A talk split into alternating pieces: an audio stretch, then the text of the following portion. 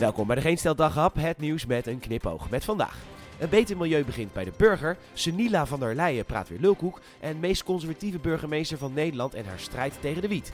Mijn naam is Peter Bouwman en dit is het nieuws van maandag 11 april.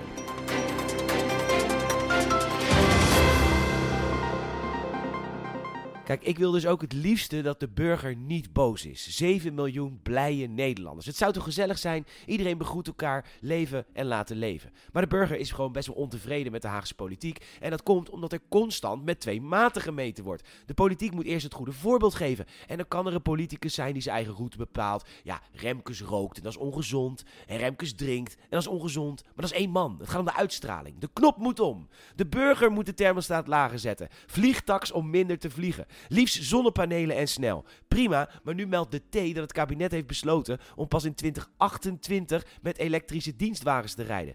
Twee van de 31 dienstwagens zijn op dit moment elektrisch. Volgens minister van Binnenlandse Zaken Bruin Slots is het aanbod van zero-emissieauto's gewoon te beperkt als het gaat om voldoende been- en hoofdruimte en een ergonomisch aan te passen zitplek.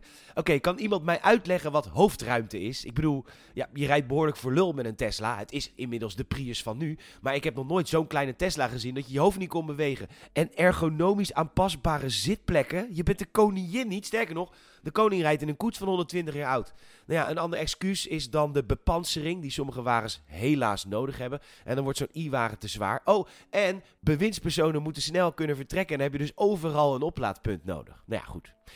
6,5% van de bewindspersonen rijdt dus zero emissie. De Rijksoverheid doet het iets beter. Van de 13.900 auto's rijden de 2330 zero emissie.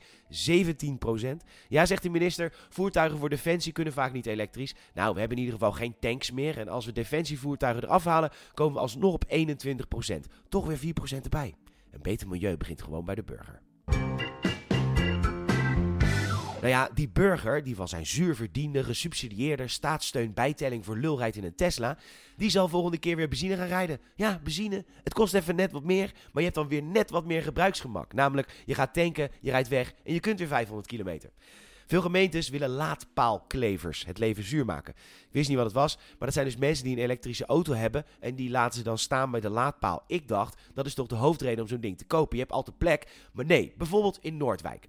Daar was een man met een elektrische MG, stopte dat ding aan de paal, ging op afspraak, kwam twee uur later terug. Boete! Want de auto was al opgeladen en dan moet je weg volgens de plaatselijke BOA. De man stond daar volgens de gemeente langdurig. De man ging naar het gerechtshof, want ja, wat is langdurig? Sommige mensen eten een uurtje in een restaurant en andere tafelen urenlang.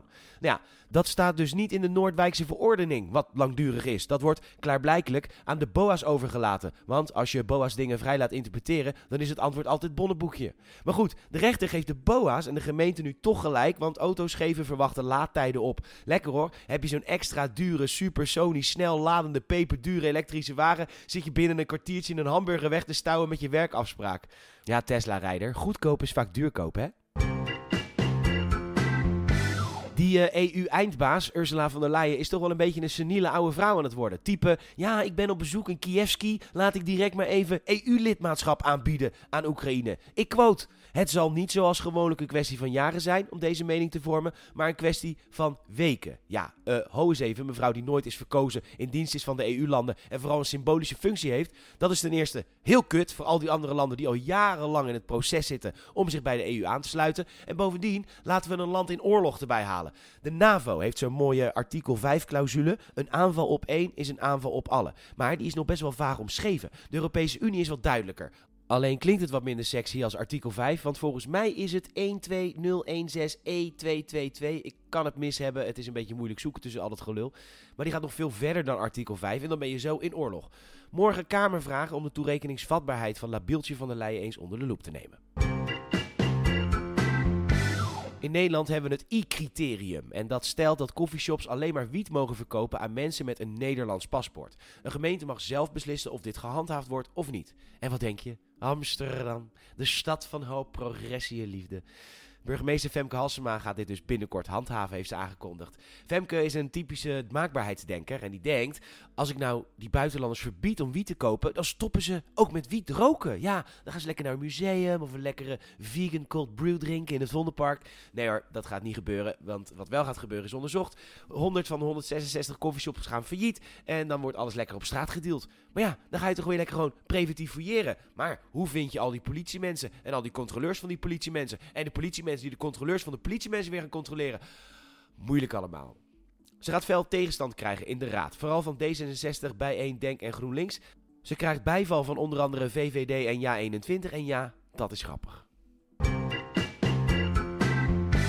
Bedankt voor het luisteren. Je zou ze enorm helpen als je een vriend, of vriendin of familielid vertelt over deze podcast. Je kan dus een Apple Podcast Review gunnen, 5 sterren alsjeblieft. En dat kan ook makkelijk met één druk op de knop via Spotify.